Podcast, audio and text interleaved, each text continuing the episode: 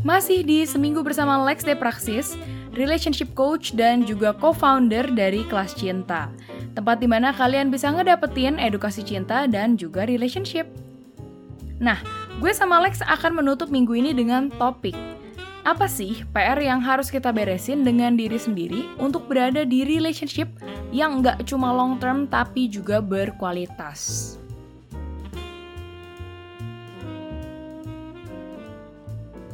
Jadi gue kan emang plannya itu uh, mau bikin ini jadi benang merah dari episode 1 dan 2 ya. Mm -hmm. Nah kalau yang di episode pertama itu kan kita ngomongin tentang uh, friend zone right. dan yang kedua itu kita ngomongin tentang cinta itu logis. Gue berasa yang pertama itu benang merahnya uh, friend zone itu memang ada banyak macamnya, cuma uh, most likely terjadi karena ada sebuah narasi dari pihak pria dan wanita tentang the relationship itself. Right. Jadi seperti yang waktu itu lo mention kan, terkadang cowok mikir nggak apa-apa kalau cewek nggak suka pepet aja terus hmm, gitu. Hmm, hmm. Dan juga ada um, the idea of wanita itu tanda kutip perlu diselamatkan, perlu menemu menantikan pangerannya gitu. Uh, dan juga berikutnya adalah yang gue tangkep itu dari kitanya saat PDKT atau ya ingin membangun relasi dengan seseorang dari kitanya baik cewek atau cowok ya lu harus build self confidence hmm. gitu. Nah kalau yang kedua, gue merasanya dari gue sendiri benang merahnya itu adalah uh, kita ngomongin cinta itu logis, tapi bukan masalah definisi logis itu apa, tapi lebih ke uh, framework berpikir secara kritis dan juga bagaimana uh, kita bisa lebih punya skills merefleksi hubungan kita sendiri kali ya. Dan juga knowledge knowledge tentang relationship yang sudah pernah kita dengar gitu. Dan um, entah kenapa di obrolan kita kemarin itu jadi ngomongin orang tua kan sedikit. Right. uh, ngomongin tentang generasi yang lebih atas dan biasanya kendalanya ya dari yang kita obroli adalah um, orang tua kita atau generasi kita generasi yang lebih tua punya perspektif yang berbeda soal relationship gitu dan salah satunya adalah mereka berpendapat bahwa cinta itu tidak bisa dipahami. Hmm, hmm. Nah, gue berasanya kalau di obrolan kita yang mau kita obrolin sekarang itu cenderung akan membahas tentang gimana kita sebagai individu itu kuat gitu. Hmm. Kuat dalam artian punya prinsip, kuat dalam artian lu pede kalau misalnya belief lu tentang relationship dipertanyakan oleh orang tua atau orang sekitar. Right. So, I was thinking mm-hmm. untuk ngebahas topik ketiga ini sebagai penutup adalah tentang apa sih yang harus kita selesaikan dengan diri sendiri PR-nya gitu ya untuk kita bisa berada di relationship yang tidak hanya lama mm-hmm. tapi berkualitas. Cuma questions itu yang gue punya uh, pertama kalau adalah selama lu punya relationship sama orang apakah lu pernah berada di relationship yang gue nggak mau ngomong long term tapi yang heavily invested gitu? Yang lu udah percaya wah gue udah memberikan yang terbaik nih di relationship ini. Tapi somehow putus juga gitu. Nah kalau boleh tahu uh, kalau lu pernah ada di relationship itu putusnya kenapa sebelum gue jawab itu uh, Gue mau bilang yeah. thank you for your summary tadi itu bagus banget, keren ya. Oke, okay, terima kasih. Summary-nya lo itu canggih, and then uh, segue menuju ke sininya keren banget. Dan jawaban gue adalah pernah, of course lah pernah gitu loh. Jadi gue gue tergolong kalau masuk dalam sebuah relationship itu selalu dengan goal yang besar gitu kayak pengen untuk hubungan yang lebih serius gitu loh. Jadi setiap relationship yang gue masukin sebelum gue kenal ilmu ini semua dan setelah kenalin semua masih sama masih dengan a lot of investment. Dan ya sebelum hubungan yang sekarang ya pasti kan putusnya berkali-kali. Dan selalu putus-putusnya memang macam-macam sih alasan putusnya Yun ya. Salah satunya adalah karena faktor gue kurang perhitungan memilih pasangan yang sefrekuensi sama gue. Gue yang overestimate kemampuan dia untuk on par sama skillnya gue gitu loh, sama frekuensinya gue, sama uh, the kind of uh, relationship yang gue pengenin. Jadi sebenarnya itu karena gue nya yang terlalu apa ya terlalu pede sama kemampuan gue mengubah orang because I think I know the I, I have the knowledge I have the skill I have the all the resources literatur di dunia ini bahwa wow beginilah manusia. Bisa disetir bisa di ini dan segala macam. I think I know and then gue overestimate kemampuan gue dan overestimate terlalu positif memandang orang. Contoh nih contoh nih. Dia kan sebenarnya masih muda hmm. sekali. Pengalaman pacarannya masih bukan nol masih kayak pertama kedua gitulah ya. Terus uh, dia kebetulan anak yang sangat manja gitu loh di di di semuanya disediain sama orang tuanya nggak pernah hidup susah hidup susah bukan berarti melarat ya tapi belum pernah making a lot of effort untuk dapetin yang dia mau terus gue berpikir kan karena dia masih dalam tanda kutip muda gitu kan berarti kan kemampuan belajarnya tinggi Iya, iya, iya. Jadi gue bilang, kan gue udah berubah banyak dari usia gue muda sampai sekarang. Berarti dia juga bisa dong. Nah, ke kebanyakan kesalahan gue di situ. Jadi akibatnya eh, relationship yang kemarin-kemarin sebelum yang sekarang gue jalani ini adalah uh, salah estimasi dari situnya. Nah, kenapa gue bisa salah estimasi? Karena gue nya yang belum kelar sama diri gue sendiri in terms of uh, I wanna help people. Di situ tuh ada ada sebuah apa ya, motivasi ke, dorongan ke, kepuasan bahwa I wanna build someone. Ngomongin tentang mengubah gitu dan juga uh, I guess uh, saat kita ngomongin frekuensi pasangan berarti kita ngomongin tentang prinsip hidup kita hmm. dan juga prinsip hidup pasangan yang bersangkutan dong ya. right. ya. So, apakah berarti salah satu PR tanda kutip yang harus kita kerjakan kalau kita memang mau punya relationship yang berkualitas itu adalah you need to know yourself. Ini gue mau relate sama pengalaman gue tadi yang gue bilang di depan bahwa I wanna I wanna change people, I wanna uh, mold people, I wanna help people to into a better version of themselves. Itu kayak salah satu panggilan hidup gue pribadi. Dan dan gue ngeras I feel good when I do that. I feel good when I help people gitu. Jadi balik-baliknya lagi ke kayak semacam self actualization. Nah, it take years for me untuk bisa tahu bahwa itu panggilan hidup gue, tapi gue jangan menikahi panggilan hidup gue. Akhirnya gue sampai di pasangan yang sekarang, gue udah ngerti kayak gue mau let go ah need gue itu. Gue mau gue mau damai sama hmm. diri sendiri. Gue mau punya pasangan yang dampingin gue. Gue nggak mau seumur hidup gue ngerjain proyek beresin dia. Balik ke pertanyaan lo, know thyself, tahu apa yang gue mau. Itu proses itu gue perlu bertahun-tahun untuk tahu bahwa oke okay, dan gue harus sunat gitu loh. Oke, cari pasangan yang sudah sudah kelar sama hidupnya. Cari pasangan yang nggak perlu gue bentuk-bentuk, nggak perlu gue ajar-ajarin, nggak perlu gue didik, gue tatar, gue seminar, nggak perlu. Remind mungkin perlu, nah manusia kan perlu diingatkan, ditegur mungkin perlu, tapi nggak perlu diajar. Yeah. Cari perempuan yang sudah jadi dan jadinya bukan sembarang jadi ya, bukan sembarang sudah dewasa, sudah baik. Enggak, jadinya itu inline sama value-nya gue kalaupun dia nggak punya value soal jadi helper itu, karena pasangan gue yang sekarang value itu tidak ada dalam hidup dia.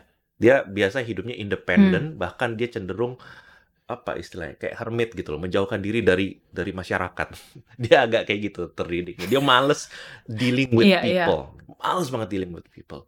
However, dia juga punya sisi uh, sosial yang yang dia suka nyumbang, dia suka dia suka dari dari segi uang ya dia nggak mau deal with orangnya tapi dia seneng banget nyumbang dari segi uangnya. Nah jadi walaupun dia nggak mm -hmm. suka kehidupan sosial tapi dia bisa relate and bisa respect dunianya gue. Iya iya iya. Pas lagi lo cerita gue jadi reflect juga soal waktu gue sebelum menikah karena pasangan gue pun juga berbeda. Hmm. Dan entahlah ya ini mitos atau apa tapi biasanya lu dipertemukan dengan seseorang yang tanda kutip mengasah hidup lu gitu. yeah, yeah, yeah. Dalam artian nggak cuma iya iya doang, biasanya they challenge yourself yang lu kayak lu pengen gue kesel gitu ya. But how lu decided bahwa nggak kayaknya ini kita nggak bisa jalan. Nah itu tuh gongnya tuh apa sih untuk lu bisa bilang seperti itu di suatu relationship? Dan juga uh, apakah itu ada hubungannya dengan lu tahu deal breakers lu apa atau gimana? Kalau jawaban teorinya sih adalah ya lu coba bayangin ya ketika lo ketemu ada satu bagian yang yang tadi lo bilang mengasah mengasah atau hmm. bentrok atau nggak cocok bayangin can you live with that asahan sampai lu mati nanti? Itu dulu tuh.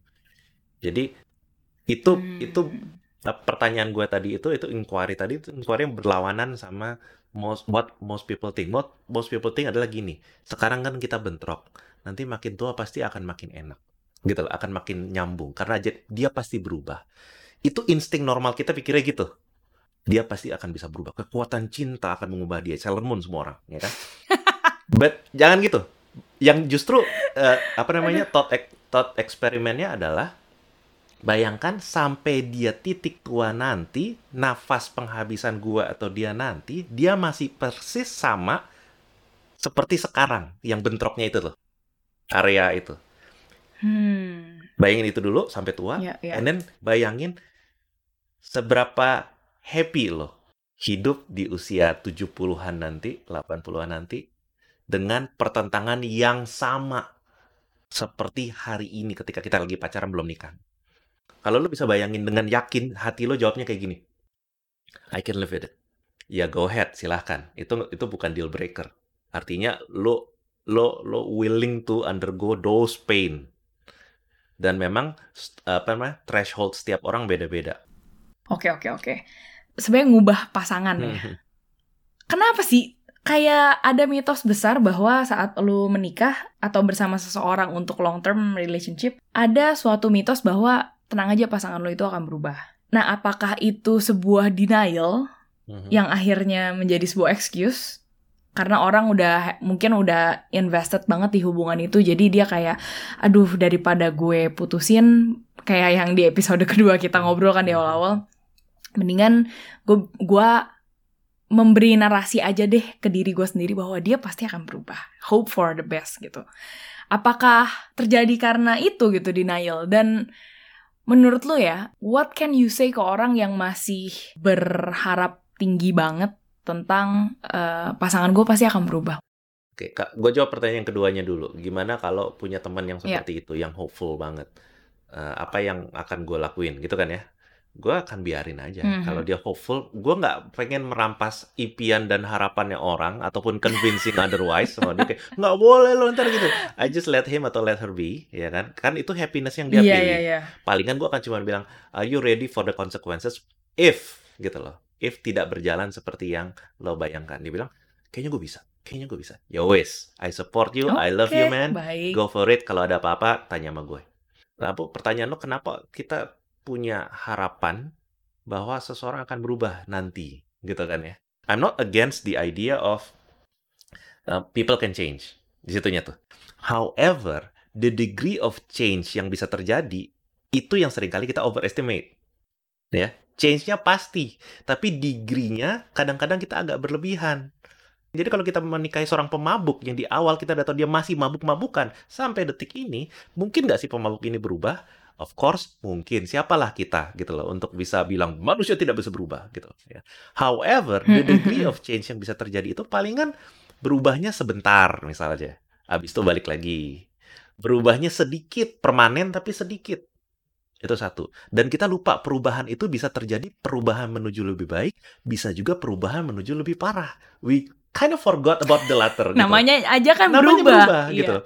Dan satu lagi yang kita mesti tahu, degree perubahan itu tergantung dari apa yang sedang terjadi sekarang. Jadi kalau di semasa pacaran ini dia tidak ada perubahan, gue pacaran sama Yunita misal ya, anggap aja gitu, gue pacaran sama Yunita, yeah, selama yeah. satu tahun kita pacaran, gue misalnya pemabuk, satu tahun itu gue nggak pernah menunjukkan ada degree perubahan yang yang konstan. Kadang mabuk, kadang berhenti, and then hmm. satu minggu kemudian mabuk lagi segala macam, gitu aja mulu-mulu. Berarti ada proof, real proof, ya, yang lo bisa ada fotonya, ada historinya, ada orang-orang yang lihat bahwa Lex itu perubahannya cuma gitu-gitu doang. Gak mungkin gara-gara yeah. nanti nikah, sumpah di depan Tuhan dan manusia lainnya, itu gue bakal jadi perubahan drastis. Jadi pernikahannya sendiri itu tidak ada power di sana. There is no power there yeah, to change yeah, people. Yeah. Kita mengglorifikasi pernikahan, mengglorifikasi anak, hmm. mengglorifikasi cinta, hmm. seolah-olah itu adalah faktor-faktor ilahi yang bisa mengubah orang. Iya, ya? iya, iya. Apakah bisa terjadi miracle? Yes. Tapi miracle itu terjadinya yes. ya di luar kendali kita gitu loh. Itu faktor Tuhan dan segala macam. Hmm. Faktor manusianya ini buruk nih. Skornya sekarang dia 4 dari 10. gak gara-gara nikah dia bisa jadi enam atau jadi delapan nanti setelah punya anak. Jadi itu loh, degree-nya, arahnya, dan juga performance-nya. Makanya kalau di kelas cinta kita bilangnya, kita mesti cek raport dia selama pacaran nih kayak gimana gitu loh. Performance dia selama pacaran nih gimana? KPI-nya kena gak gitu loh. Yeah, yeah. KPI-nya nggak kena mm -hmm. jangan dianggap ada perubahan drastis-drasisan nanti. Karena kita cuma bisa work on yeah, uh, yeah, yeah. human level. Di level Tuhan tiba-tiba sentil dia berubah ya monggo turusan Tuhan.